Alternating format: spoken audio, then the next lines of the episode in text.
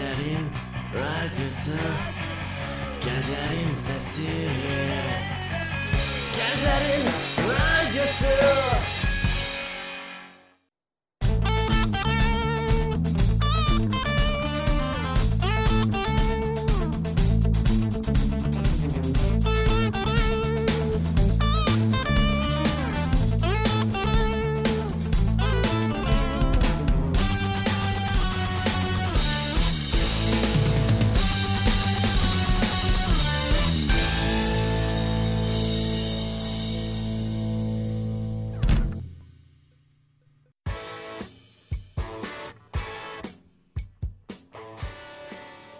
Salam əziz gənclər, Səsi Radiosu dinləyiciləri. Filmlər haqqında 35 mm efiri yenidən efirdədir. Sizinlə mikrofon qarşısında mən Cavid və mən Əjdər olacağam. Hər həftə olduğu kimi bu dəfə də kino dünyasında xüsusi yer tutmuş, hələ də yaddaşlarda qalan bir filmdən danışıb, haqqında maraqlı faktlardan söhbət açacağıq. Bu dəfəki filmimiz 1999-cu il istehsalı olan 5 Oskar mükafatı qazanan American Beauty, yəni Amerikan gözəli filmidir filmin özünə keçid etməmişdən öncə isə istəyirsənsə Cavid, ən növə olaraq filmin rejissoru haqqında qısa bir məlumat verək. Əsl adı Samuel Alexander Mendes olan rejissor 1 avqust 1965-ci ildə İngiltərədə dünyaya gəlib. İlk rejissor təcrübələrini teatrda yaşayır və e, ilk işi Çexovun bir kitabını səhnələşdirmək olur. Bu işi ilə hörmət qazanır və mükafatlandırılır və 1994-cü ildə səhnələşdirdiyi Oliver tamaşası 4 il davamlı olaraq teatrlarda göstərilir. 1999-cu ilə qədər ki, teatr rejissorluğundan sonra ilk filmini çəkir və bununla 5 nominasiyada Oskar qazanır. Bu bu gün danışacağımız American Beauty filmidir. 2002-ci ildə rejissor filmoqrafiyasına Əzab yolu filmini əlavə edir. 2003-cü ildə rejissor yenidən teatra qayıdır və səhnələşdirdiyi iki tamaşa ilə ən yaxşı rejissor mükafatını qazanır. Rejissorun hələlik son işləri 2012 və 2015-ci illərdə çəkilən James Bond filmləridir.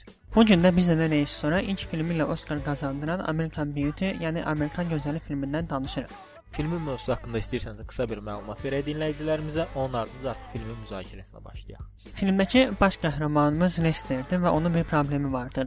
Uzun illərdir işlədiyi yerdən müdiri onu çıxartmaq istəyir. Bununla yanaşı ondan böyük gözləntiləri olan həyat yoldaşı da onunla maraqlanmır, yetkinlik yaşında olan qızı isə ona nifrət edir. Məncə bu həqiqətən də bir valideyn üçün yolun sonu kimi düşünə bilərik bunu. Yəni ə, həyat yoldaşının onu çox sevməməsi və qızın ona nifrət etməsi bir ailə atası üçün ə, e, inanılmaz dərəcədə ə, e, dəhşətli bir hadisədir. Bundan başqa filmdə bir də qızının sinif yoldaşı var ki, Lesterin ona gözü düşməsi ilə hadisələrin gedişində təsir edən əsas amillərdən olur.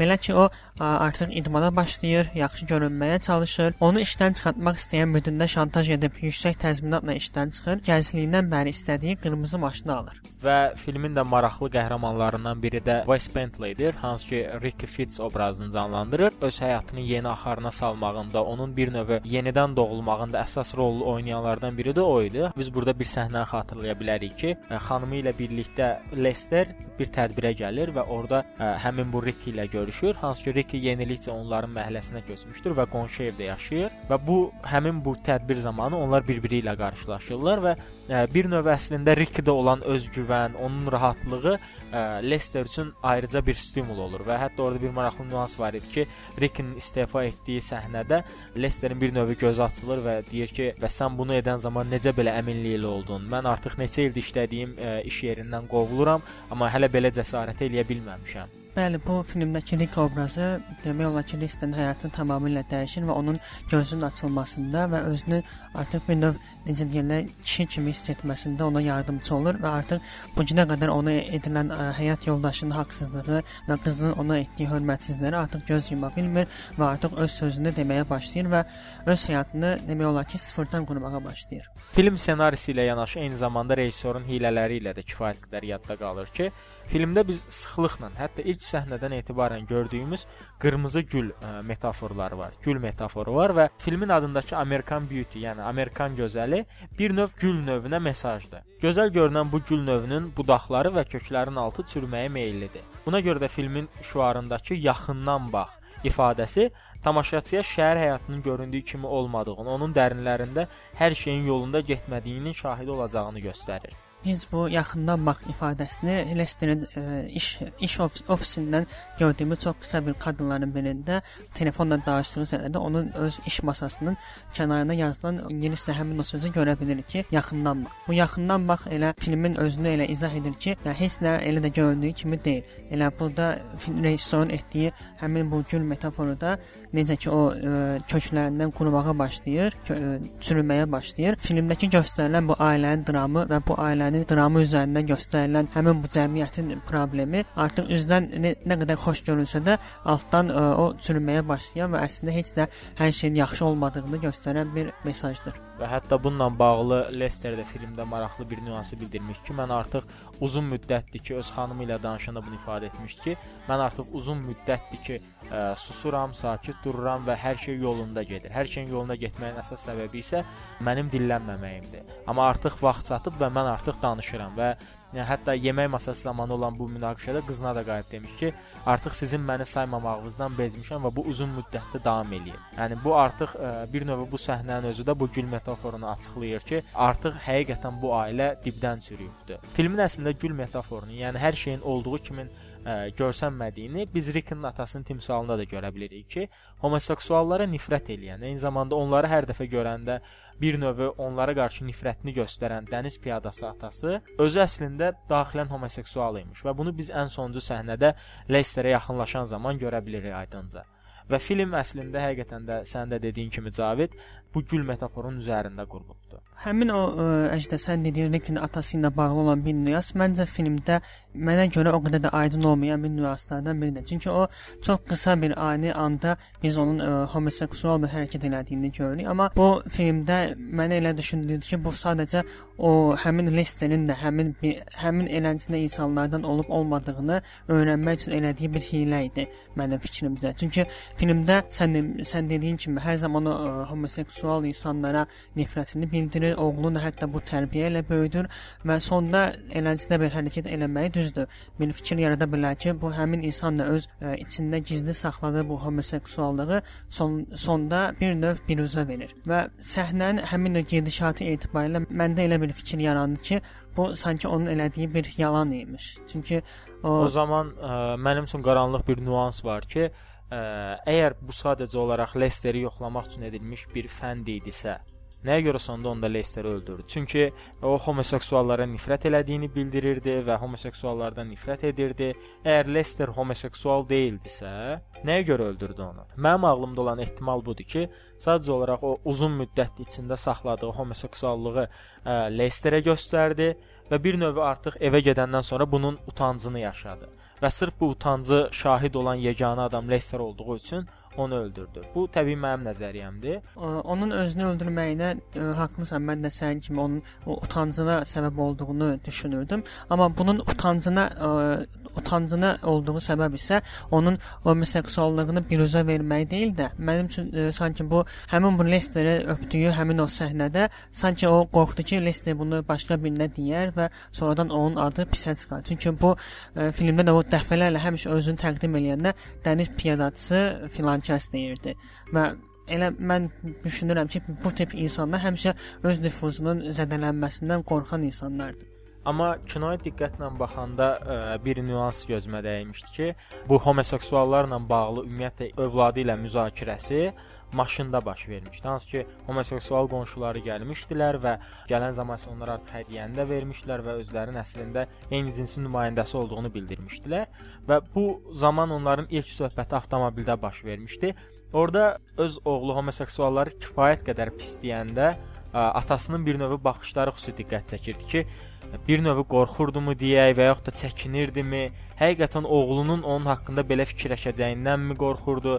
Məncə sırf bu nüansı əsasən də əvvəlki e, epizodlardan xatırlasa, bir növ haqq vermək olar ki, əslində o e, homoseksual imiş. E, bu təbii mənim fikrimdir. Bu baxımdan haqlısan ki, yəni bu həmin Rick'in atasının obrazının çox açıq şəkildə bizə göstərilməməsi filmdə ssenaristin həmin obrazı çox e, uğurlu şəkildə yaratdığını deyə bilərik. Çünki həmin məncə də bu real həyatdakı insanlar, bu tip insanlara da xas xüsusiyyətdir ki, özlərini tam ifadə edə bilmirlər.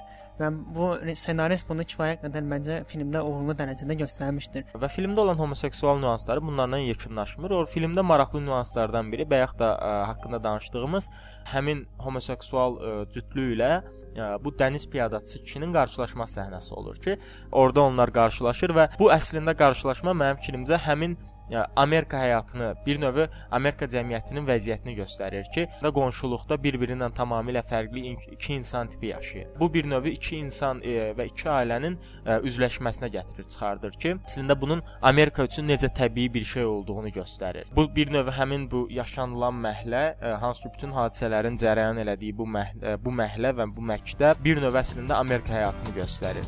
Hansı ki siz burada e, eyni zamanda ailəsindən şikayətçi insanlar da görə bilirsiniz müxtəlif psixoloji problemi olan insanlar da mövcuddur. Eyni zamanda homoseksual ailələr və yaxud da ki, yetkinlik yaşına çatmayan qızlar və bütün bunların hər biri bir növ Amerika cəmiyyətinin ə, bir cüzüsü kimi bizim qarşımıza çıxarılmış kino zamanı. Demək olar ki, ə, Hollywood kinosu öz cəmiyyətini, yəni Amerika cəmiyyətini çox yaxşı şəkildə tənqid edə bilir. Onun bütün pis cəhətlərini, tənqidini çox açıq şəkildə və yaxşı formada göstərə bilir bu baxımdan. Və filmdəki maraqlı obrazlardan biri də əslində sadəcə olaraq müəyyən kadrlarda görsənib, sonradan görsənməyən bu dəniz piyadaçısının həyat yoldaşıdır. Həyatından məmnun olmayan bu qadın bizə hər dəfə ə, sadəcə olaraq bir stolun arxasında əyləşib stola baxmağı ilə göstərilir. Və mənim fikrimcə bu bir növ ailəni təmsil edə bilər bu stol. Və filmdə biz bu ailəni, Rickinin ailəsini ə, hər zaman bir yerdə görürük. Yalnızca otaq səhnələrində ailələrin müəyyən fərdləri göstərilir, amma ümumilikdə mərkəzdə olan, yəni evin içərisində olan adicə televizor səhnəsi olsun, üç oturacaqlı divan üzərində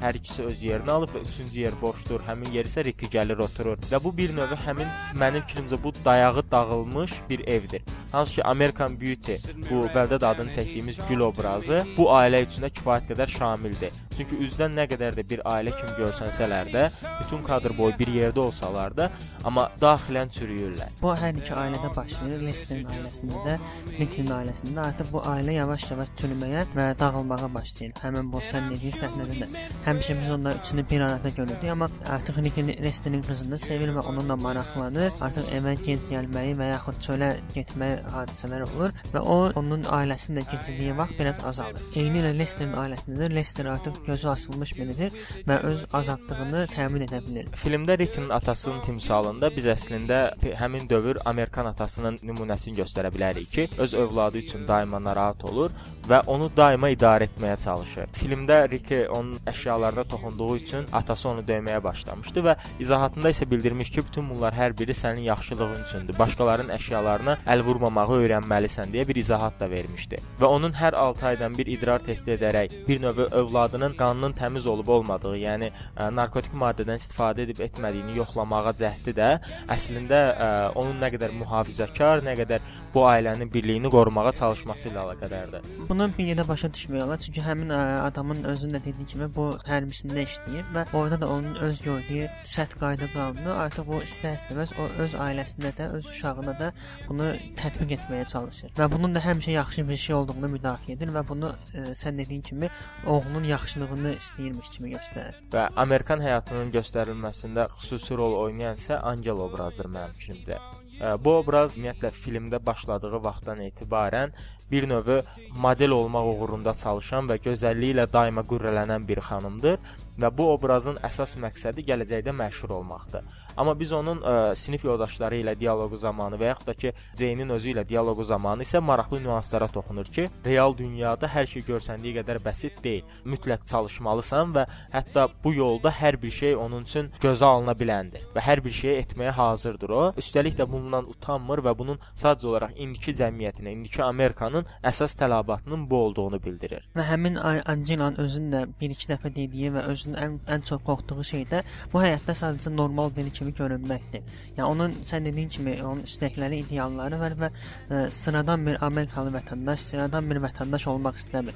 O normal olmaqdan qorxan bir ə, personajdır bu filmdə. Tor obrazı isə əslində həmin dövrdə Amerikada yaşayan yetkinlik yaşına artıq çatmaq üzrə olan cəmiyyətin nümayəndələrini göstərir və burada ə, Toranın bir növ özünün də bildirdiyi kimi artıq ə, yaşı ilə əlaqədar olaraq ə, ailəsinə qarşı münasibəti tamamilə dəyişmişdir və ə, o Angela ilə dostluq edərək onun həyatını yaşamaq istəyir əslində. Və film başlayan zaman ə, Kevin Spacey-nin, yəni onun ə, filmdəki atasının dediyi xüsusi bir cümlə var idi ki, hal-hazırda qızım yetkinlik yaşına çatmaq üzrədir və ona görə də həyatdakı müəyyən məqsədləri dəyişib. Bunların keçici olduğunu ona demək lazımdır, amma buna ehtiyac yoxdur. Qoy özü yaşasın bunları deyə bir giriş də etmişdi. Ailə daxili hiddət o həddə çatmışdı ki, Jane bir növ öz ə, atasının öldürülməsinə hətta 3000 dollar pul da verməyə hazır idi. Həmin ilə Jane-in danışığı bu dialoqu olan bu səhnəni biz həmin bu səhnədən bir qısa bir parçanı elə məhz ə, atasının ondan uzaqlaşdırılmasını və bir növ onun öldürülməsini istədiyi istədiyini dilə gətirdiyi səhnəni filmin ilk səhnəsində qısa bir parça olaraq görürük. Və bu ə, ssenaridə-mi deyim, yoxsa montajda mı edilən yaxşı bir ə, hekayə quruluşundan biridir ki, bu artıq filmin sonluğu ilə bağlı e, izləyiciyə bir fikir yaranmasında kömək edir. Çünki artıq sonuncu səhnədə e, olanları biz görəndə e, həmin Bureki ilə Jane-in danışığı dialoq ağlımıza gəlir və bunlar da bizim bir növ birinci şübhəlimizə çevrilirlər. Filmdə bayaq haqqında danışdığımız Angela'dan başqa Jane-in də, Lester'in də öz idealları və özünün yerində həyat qurmaq istədiyi planları var. Belə ki, Jane özünü ə, pul yığaraq ə, həmin Ricky-yə vermək istədiyi 3000 dolları əslində onun öz estetik əməliyyatı üçün yığmışdı neçə illərdir və o həmin bu artıq filmdə də görünür ki, bu yolda, yəni özünü estetik əməliyyat e, etdirmək istədiyi üçün kifayət qədər pul yığmış biridir. Lester isə artıq monoton həyatından bezmiş, nəsə yenilik axtaran, ən əsası isə ailəsində hörmət görmək istəyən bir fərddir. Yəni bir ailə atasıdır. Bu həmin iki personajın, Jane-in və Lesterin həyatı Nick-nin onların e, qonşuluğuna köçməsi və birbaşa onların həyatına daxil olması ilə tamam dəyişir və ya bir növ alt üst olur. Niyə bu iki personajı dedim? Çünki Nick birbaşa heç vaxt e, Caroline, yəni Lesterin həyat yoldaşı ilə əlaqə e, münasibətdə olmurlar. Yəni onların bir qarşılıqlı dialoqları münasibətləri olmur. Sadəcə həmin tədbir zamanı çölə çıxan, ə, sadəcə həmin o tədbir zamanı bir dəfə görüşürlər və orada da yəni qonşuluğa köçdüyünü bildirir Ricky. Yəni bu da ə, salam sağol və ya qısa bir söhbətin o tərəfə keçmir, amma ə, Ricky Jane və ə, Lester-lə öz həyatından bir ə, parçalar bölüşür. Bir növ əslində bu American Beauty, yəni bu çiçəyin adına məxsus bu ailənin əslində Ricky ehtiyacı var idi. Bayaqdan haqqında danışdığımız Amerikan həyatı ilə bağlı filmdə digər bir nüansı isə biz Kevin Spacey-nin, yəni ə, Lesterin iş yerindən də görə bilərik ki, işə yeni təyin olunan ə, müdir müavini artıq işdə islahatlar aparmağa başlayır və bir növ Lesterə də xəbərdarlıq edir ki, əgər nə iş gördüyün haqqında məlumatları yazmasan, təəssüf ki, 14 ildən sonra səni işdən çıxartmalı olacaq və səbəb kimi isə maliyyə sıxıntılarını göstərir. Əvəzində isə Lester ona qısa olaraq maliyyənin əslində haralara getdiyini, kimlərlə birlikdə birlikdə yeyildiyini, və ə, əsas maliyyə hissəsinin harada yerləşdiyini, əvəzində isə 2-3 nəfər işçinin çıxarıldığını, bunun isə haqsızlıq olduğunu deyir. Çünki onun da sözü ilə desək, ə, o bu işdə 1 aydır var, amma Lester isə artıq 14 ilə yaxındır ki, burada hər şeyini qoyubdu. Səncə rejissor qısa bir filmdə, adi bir balaca məhəllədə cəmi 6-7, maksimum 6-7 personajın üzərindən Amerika həyatını təsvir etməyə çalışıbdı. Səncə bu filmdə hansı personajlar çatmırdı? Ya, ümumiyyətlə bütün personajlar yerində oturmuşdumu? Bayaq da dediyim kimi, məncə bu Hollywood kinosu ə, elə öz cəmiyyətini tənqid etməklə çox yaxşı işlər görür.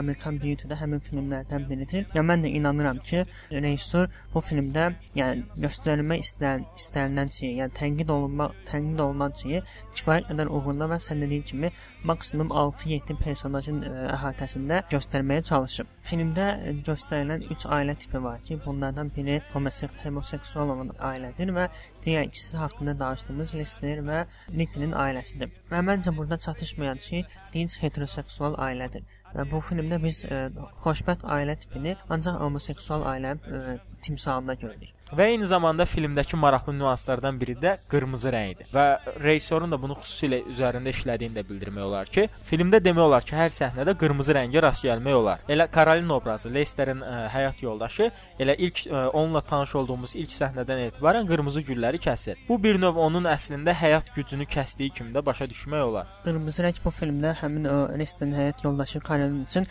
həyat gücünü simvolizə edir və o hər zaman ə, evin içində də hər otaqda demək olar ki, güldanlı qırmızı gül var və bu da qırmızı olması da həmin bu ə, Karolin evdən evdəki o ə, qırmızı rəngli güllərdən həyat gücünü aldığını görə bilirik. Amma Lester üçünsə qırmızı rəng tamam başqa şey ifadə eləyir. ə, rejissor ə, açıq-aşkar göstərir ki, Lester üçün qırmızı rəng cinsi istək olaraq başa düşülür. Eyni zamanda hər dəfə Angelanı xəyal eləyəndə ə, bir növ onun hər tərəfi qızıl güllərlə əhatələnmiş olur. Filmdə Karolin obrazının hər dəfə geyimlərinə də fikir vermək olar ki, onun həmişə geyimlərinə qırmızı rəngə üstünlük verir. Biz dedik ki, qırmızı həmin bu Karolin obrazı üçün həmişə həyat gücü kimi e, simvolizə olunur, amma bir səhnə məncə e, yenə həmin bu qırmızı rəngin Karolin içində cinsi istəyi simvolizə etdiyini görə bilərik. Bildiyimiz kimi Karolin ev alqı-satqısı ilə məşğul olan qadındır və o ə, yoldan keçəndə öz rəqibinin ə, afişasını, pankartını görür və onun həmin o ə, rəqibinin elanının arxa fonunda qırmızı rəngdədir. Bu həmin o kişinin elanın qırmızı rəngdə olması həmin Karolinin də həmin o kişiyə qarşı olan cinsi istəklərini ə, simvolizə edən bir ə, nüansdır. Və filmdə Lesterin qızı Jane-i canlandıran aktrisa Tora çəkiliş vaxtı 17 yaşında idi. Amerika Birləşmiş Ştatlarında isə bu yetkinlik yaşına çatmamış sayılır. Buna görə də filmdə bəzi yarı çılpaq səhnələr üçün ailəsinə xüsusi icazə alınır və yəni, həmin bu səhnələrin çəkiliş zamanı isə aktrisanın ailəsi və xüsusi bir nümayəndə heyətdə çəkiliş meydançasında onun yanında olurlar. İndi istərdim ki, e, Kevin Spacey-nin canlandırdığı Lester obrazını filmdə etdiyi improvizasiyalardan danışam. İmprovizasiya odur ki, e, aktyorlar film ssenaridə yazılmayan hərəkətləri və ya dialoqları yerinə yetirirlər. Və Kevin Spacey öz aktyorluq maharətini bu filmdə kifayət qədər göstərmişdir. Buna misal olaraq Lester obrazının sərxoş olduğu və American Woman mahnısını oxuduğu səhnədə elədiyi hər şey improvizasiya idi. İmprovizasiya haqqında bir şey demək istəyirəm ki, bu günə qədər filmlərdə bu improvizasiyalara çox rast gəlmək olur. Bəzən ə, bu, həmin bu aktyorların özündən uydurduğu dialoqlar, hərəkətlər filmlərin hətta ən çox bəyənilən səh ə, səhnələrinə çevrilə bilər. Fikrimcə improvizasiya etmək ən azı yazılmış ssenarini yaxşı həyata keçirmək qədər bacarıq tələb, tələb edən bir şeydir. Tamamilə haqlısan. Amerikan gözəli filmində Kevin Spacey-nin improvizasiyaları təkcə bunlardan kifayətlənmir. İzləyənlər xatırlayar ki, evdə yemək səhnəsində Lester əsəbləşir və burada aktyor ə, Kevin öz ustalığını göstərir. Həmin səhnədə Lester ə, ssenariyə uyğun olaraq boşqabı yerə atmalı idi, amma o bunun əvəzində onu divara tullayır. Normal olaraq filmdəki həyat yoldaşı və qız da həmin səhnədə ə, təbii reaksiya göstərirlər. Ə, bu improvizasiyalara bağlı məşhur rejissor Martin Scorsese-nin də bir ə, özünü öz fikir, öz filmlərində həyata keçirdiyi bir fikri var ki, o ə, deyir ki, mən öz filmlərimdə həmin bu improvizasiya səhnələrini ə, ssenarimdə olmayan artıq çəkilən səhnələrdə fikirləşirəm ki, bu filmim üçün yaxşı olacaq ya da pis olacaq. Bəzi dinləyicilər qısa bir musiqi fasiləsindən sonra yenidən sizinlə birgə olacaq. Bizi dinləməyə davam eləyin. American Beauty filmi haqqında məlumatlarımız var.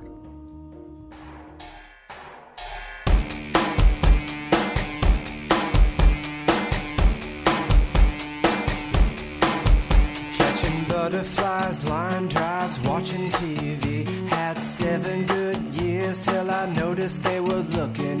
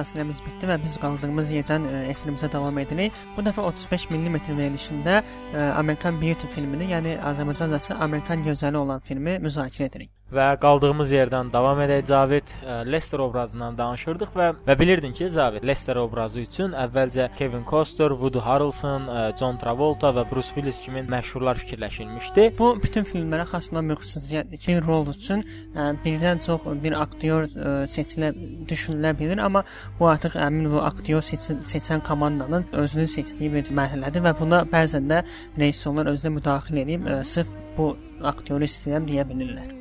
Biz filmdə bayaqdan maraqlı detallardan danışırıq, amma əslində filmlə bağlı ə, kiçik bir texniki səhvi də xüsusilə qeyd etmək lazımdır. Belə ki, Lesterin işdən çıxandan sonra fast food restoranına gedib yeni iş görüşməsi üçün müraciət etdiyi həmin fast food səhnəsi zamanı əslində hava qaranlıq idi. Bu səhnə gecə vaxtı çəkilib və sonradan montajla səhər vaxtı çəkilmiş effekti verilib. Əsas problem isə bundadır ki, montajda gözdən qaçan bir məqam aktyorların üzündəki kölgələrin olmamasıdır, gündüz vaxtı olmasına baxmayaraq. Ya həqiqətən maraqlı bir ə, fakt və ya montaj səhvi kimi bu nəzərdə keçirmək olar. Eyni Bunu, zamanda bunu nəsə bilə-bilə etmiş ola bilərmi səncə? bu mümkündür. Yəni film əgər rejissorun rejissorun ssenaristin filmə bayaqdan biz bu film haqqında saydığımız ya, hər səhnədə gördüyümüz gül metaforundan, gül səhnəsindən, yəni qırmızı rəngdən gör görürüksə, yəni beləsinə bir şeylərdə hər zaman rejissorun və ssenaristin və yaxud sənət rejissorun komandasının elədiyi bir ə, kiçik bir nüans ya da və yaxud mesaj kimi ola bilər. Sanki yeni həyata başlayıb və heç bir kölgə yoxdur. Bir növ nurani sifətlə yeni bir həyata başlayır. Və filmdə maraqlı nüanslardan biri də filmin çəkiliş məkanlarıdır ki, film üçün olduqca müxtəlif çəkiliş məkanlarından istifadə edilib və bunu filmdən bir neçə detallı izah etməyə çalışaq. Məsələn, Jane-in telefon dəftərindəki ərazi kodları 312-dir. Bu Chicagoya məxsusdur. Eyni zamanda bir mətbəx səhnəsində görünən qəzetdə də Chicago Sun Times yazılır. Bu həmin regionun qəzetidir. Filmdə Karolin və Buddy-də ərazi kodu 847 olan telefon nömrələri var ki, bu kod isə Illinois ştatınındır. Maşında olan kodlar isə tamamilə fərqlidir. Yəni əslində filmdə ə, elə də çox ə, küçə səhnəsi olmadığına görə düşünürəm ki, bunu ə, eyni bir ə, ərazidə də məncə çəkmək mümkün olardı.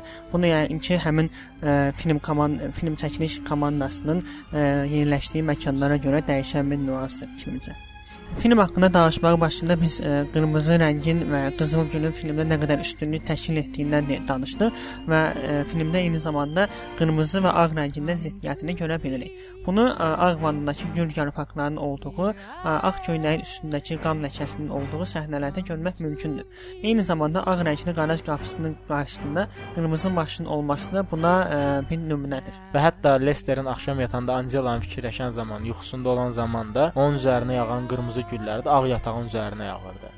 Elə Angela'dan söhbət açılmışdan o, o, o obrazı canlandıran aktrisa da aktrisa üçün də ə, başqa aktrisalar düşünülmüşdü. Məsəl üçün Kristen Dunst, ə, Sarah Michelle Gellar, Brittany Murphy və Katie Holmes bu obraz üçün ə, istənilən aktrisalar idi, amma ə, heç biri bu rolu qəbul etməmişdir. Filmin ən əsas, ən məşhur səhnələrindən biri də uçan paket səhnəsidir ki, səhnə əslində ə, həmin rejissorun ilham mənbəyi olmuşdu. Bunu Oskar mükafatını qazananda ssenarist Alan Ball demişdi. Ssenarist külək sovrulan paketi gördükdən sonra ssenari fikrin ağlına gəldiyini demişdi. Yeri gəlmişkən bu hadisə də filmdə öz yerini tapır. Bununla bağlı birbaşa olaraq orada Rickinin özün deməyi ilə yanaşı, ə, məncə bu küləkdə sovrulan paketi çəkən Rick əslində bir növ özünü görmüşdü. Hə, çünki Rick obrazı uşaqlığından bəri əslində hər tərəfə sürütlənən bir obrazdır ki, atası hərbiçi olduğu üçün əvvəlcə hərbiçi məktəbinə yazdırılır, onun ardınca ə, orada dava saldığı üçün məktəbə edir, saçı qısa olduğu üçün məktəbdə dalaşır, psixoloji mərkəzə köçürülür və bütün bu proseslər vaxtı sağa-sola dartılan bir obrazdır. Bu prosesdə də Riki bir növ daima havalanmağa, nə isə əldə etməyə çalışır və bütün bu Cəmiyyət onu bir növ oradan bura sürükləyir deyə bilərik. və ona görə də Riko orada xüsusilə Ceynə xüsusilə izah edəndə ki, bunu nə üçün çəkdin? Mənim ağlıma ilk olaraq açığa səhnəyə baxanda Rikinin öz obrazı gəlmişdi. Çünki hər onun haqqında bir şairlər qoşur, onun köhnə sinif yoldaşları, eyni zamanda atası ondan daima şübhələnir və 6 aydan bir ondan ə, idrar testi tələb eləyir, hansı ki ə, narkotik qəbul edir, etmir. Amma bütün bu çətinliklərə, küləyə baxmayaraq Riki daima havada qalmağı bacarır, həmin paket kimi. filmə ilham mənbəyi olan bu real hadisə, yəni ssenaristin özünün başına gələn bu hadisə elə filmdə Rickin özünə Jane bu ə, həmin bu çəkdiyi videonu göstərmə göstərəndə bu həmin görüntü üçün bu günə qədər çəkdiyim ən yaxşı görüntü kimi onu təqdim edir. Ricky Fitz obrazı haqqında danışmışkən, bu obraz filmdə hər şeyi müşahidə edən və bütün gördüklərini öz əl kamerasına çəkən biridir. Və burada hətta maraqlı bir nüans var ki, Rickinin çəkdiyi göstərilən əl kamerası səhnələrindən birini birbaşa olaraq Sam Mendesin özü çəkmişdir. Hətta həmin o səhnədə kamera ə, evin evin içində oturan ə, Jane-in güz, güzgüdəki əksini göstərir və bu, həmin mən bir yerdə oxumuşdum ki, həmin bu güzgüdə onun gülməyi elə bir ə, gülümsəməyi elə birbaşa nüansla bağlıdır ki, artıq rejissorun özünü çəkməyi təbiilik qatıb bu həmin filmin bu səhnəsinə. Və əslində həmin səhnənin də improvizasiya formasında olması da bir tamaşaçı olaraq mənim üçün kifayət qədər axıcılıqda rol oynadı ki, onun ardınca həmin təbəssümdən sonra Rick obrazının əslində bir ə, həmin qıza qarşı ümidi olduğunu da başa düşmək olur və ə, ssenari də əslində buna uyğun olaraq da davam eləyir. Rick obrazının da bir nüansı xüsusilə diqqətimi cəlb etmişdi ki, ə, o bir növ yaşamağa çalışır. Yəni yaşamaq uğrunda mübarizə aparır. Bunu isə hərbiçi olan atasına qarşı münasibətində birbaşa olaraq görmək olar ki, atası ilə münasibətləri daima böyük bir pərdənin arxasında saxlanılır və sırf atasının dediyi istiqamətdən çıxmamaq üçün əlavə işlərdə işləyir və bir növ atasının gözündən pərdə asmaq üçün masa bəyi, satıcı və yaxud da bu tipli müxtəlif işlərdə işləyir. Amma əsl işi isə birbaşa olaraq narkotik maddə alveri ilə bağlıdır. Amma bütün buna baxmayaraq Rick də Jane ilə tanış olandan sonra isə birbaşa olaraq yeni həyat qurmağa fokuslanır. Bunu biz onun artıq bir günün içərisində Jane-i də götürüb New Yorka belə getməyə, orada 40 min dolları ilə ə, həyat qurmalı olduğu səhnədə də açıqca görmək olur. Artıq ə, filmin sonlarındakı səhnədə ə, Karolin obrazının ə, həyat yoldaşını aldatdığı kişi ilə də arası ə, açılır və yenə də o demək olar ki, ortalıqda tək qalır və o hər, hər zaman ə, filmdə başa düşdüyüm qədərlə ə, başında bir kaset gəzdirir və həmişə o bu özünü inkişaf kasetlərindən biridir ki, bu hər zaman o, ona din, onu dinləyərək həmişə özünə güc toplaya bilir. Oxuduğum bir maraqlı fakt var ki, bu həmin bu kasetdə danışan adam doktor Alan Balldur və bu da elə birbaşa ə, ssenaristin özünün adıdır ki, düşünürəm ssenarist özünü bu filmdə də yerləşdirmişdi. Və Lesterin də həyat yoldaşı filmdən də göründüyü kimi obraz olaraq daima idarə etmək, tam idarənin əlində olmağa çalışan biridir. Bu özünü inkişaf kasetlərinə ehtiyacı olduğunu biz ə, həmin filmin ilk səhnələrində evi satmaq səhnəsində xüsusilə göstərmək olar ki, daima özü özünü motivə etməyə çalışır ki, mən bu gün bu evi satacağam, mən bu gün bu evi satacağam. Və məncə bu obraz əslində nə qədər güclü göstərilməyə çalışsa da, əslində qadın zərifliyi olan bir obrazdır və ona görə həyat yoldaşını aldatdığı sevgilisi ilə ayrılan zaman ona pis olur, ağlamaq üzrə olur. Eyni zamanda ə, öz həyat yoldaşı yemək masası ətrafında dalaşanda bu zamanda kədərlənir və qəzəb dolu olur və bütün bu səhnələrdə ağlamağa başlayanda öz-özünə təsəlli verməyə çalışır ki, özünə gəl, nə edirsən? Bəs ə, sən güclüsən, sən möhkəmsən. Əslində bir növ özü özünü aldadır. Güclü görsənməyə çalışır.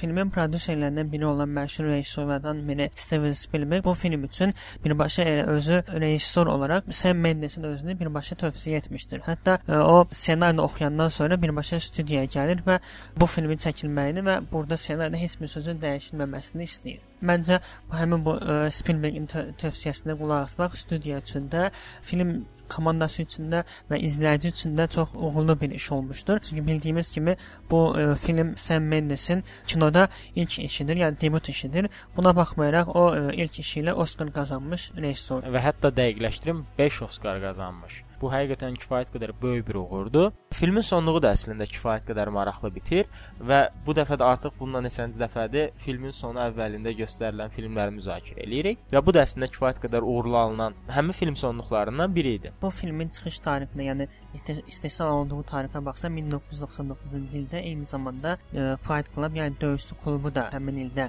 nümayişə çıxmışdı və burada demək olar ki, vizual olaraq eyni ə, sistemdədir. Yəni həmin döyüşçü klubunda da biz ilk səhnədə əslində axırda olan hadisəni görürük və eyni zamanda Amerikan Beauty-də də ortalarda sonlara doğru baş verən bir hadisəni filmin əvvəlində görürük. Və bir baxıma demək olar ki, bu hər iki filmdə vermək istədiyi mesajla bir-birinə bir növ oxşayır. Hər ikisi də cəmiyyəti pisləyir və cəmiyyətdə insanların aid olduğu, öyrəşdiyi şeylərin həmin bu nüansları tənqid edir. Bir növ daxili çürüməni göstərir. Səncə bu həmin illər illərdə çəkilən bu çünki bundan əvvəlki biz 94-cü ildə çəkilən Tarantino'nun filmi barəsində də bunu deyə bilirik. Eyni zamanda 99-cu ildə çəkilən bu sənin də bildirdiyin bu iki film. Səncə bu həmin dövr rejissorlarının xüsusi bir ənənəsi idimi? Belə olduğunu demək olar məncə. Yəni bir adət-ənənə, yəni çünki artıq görürlər, təcrübələrdən başa düşürlər ki, bu tip montaj sxemi və ssenari sistemi izləyiciyə maraq oyandırır və artıq o sonunu görməyə məcbur edir ki, artıq o sona qədər otursun və həmin bu filmi izləsin və sonunda elə bir məqamlar, elə bir nüanslar qoyur ki, film bitəndən sonra onlar heç vaxt yadından çıxmır və daim müzakirə etməyə və haqqında suallar yaranmağa başlayır. Və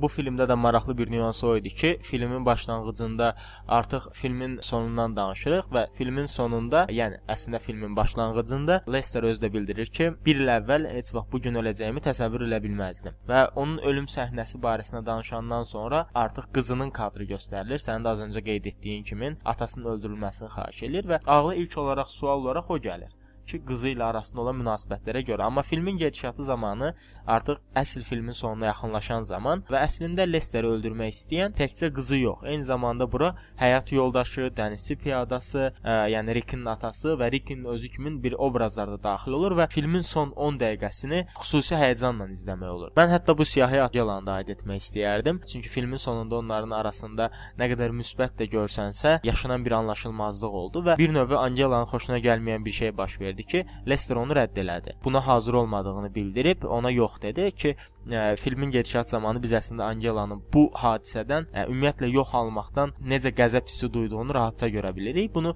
Rick ilə dialoqları zamanında rahatca özünü büruzə verir ki, Rick ona gözəl olmadığını, istə düşündüyü qədər qəşəng cazibədar olmadığını bildirəndə hiddətlənmişdi. Buna görə də filmin sonuna doğru artıq Angelanı onu öldürə biləcəklər siyasına salmışdıq. Və son 10 dəqiqəni kifayət qədər həyəcanla, həqiqətən nə olacaq, görəsən kim öldürəcək bunu? Silah yaxınlaşanda artıq ağıldan bütün variantlar keçdi və əsas variant isə o sadəcə öləndən sonra.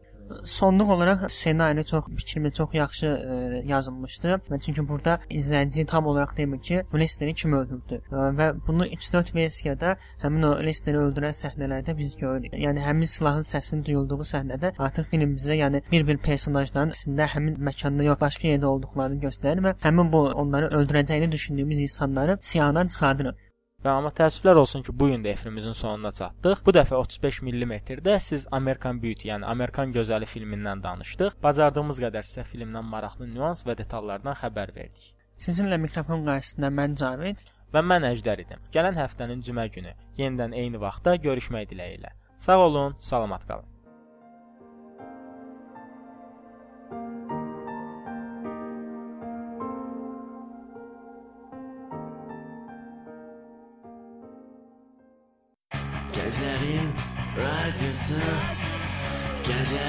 sesi. Gözlerim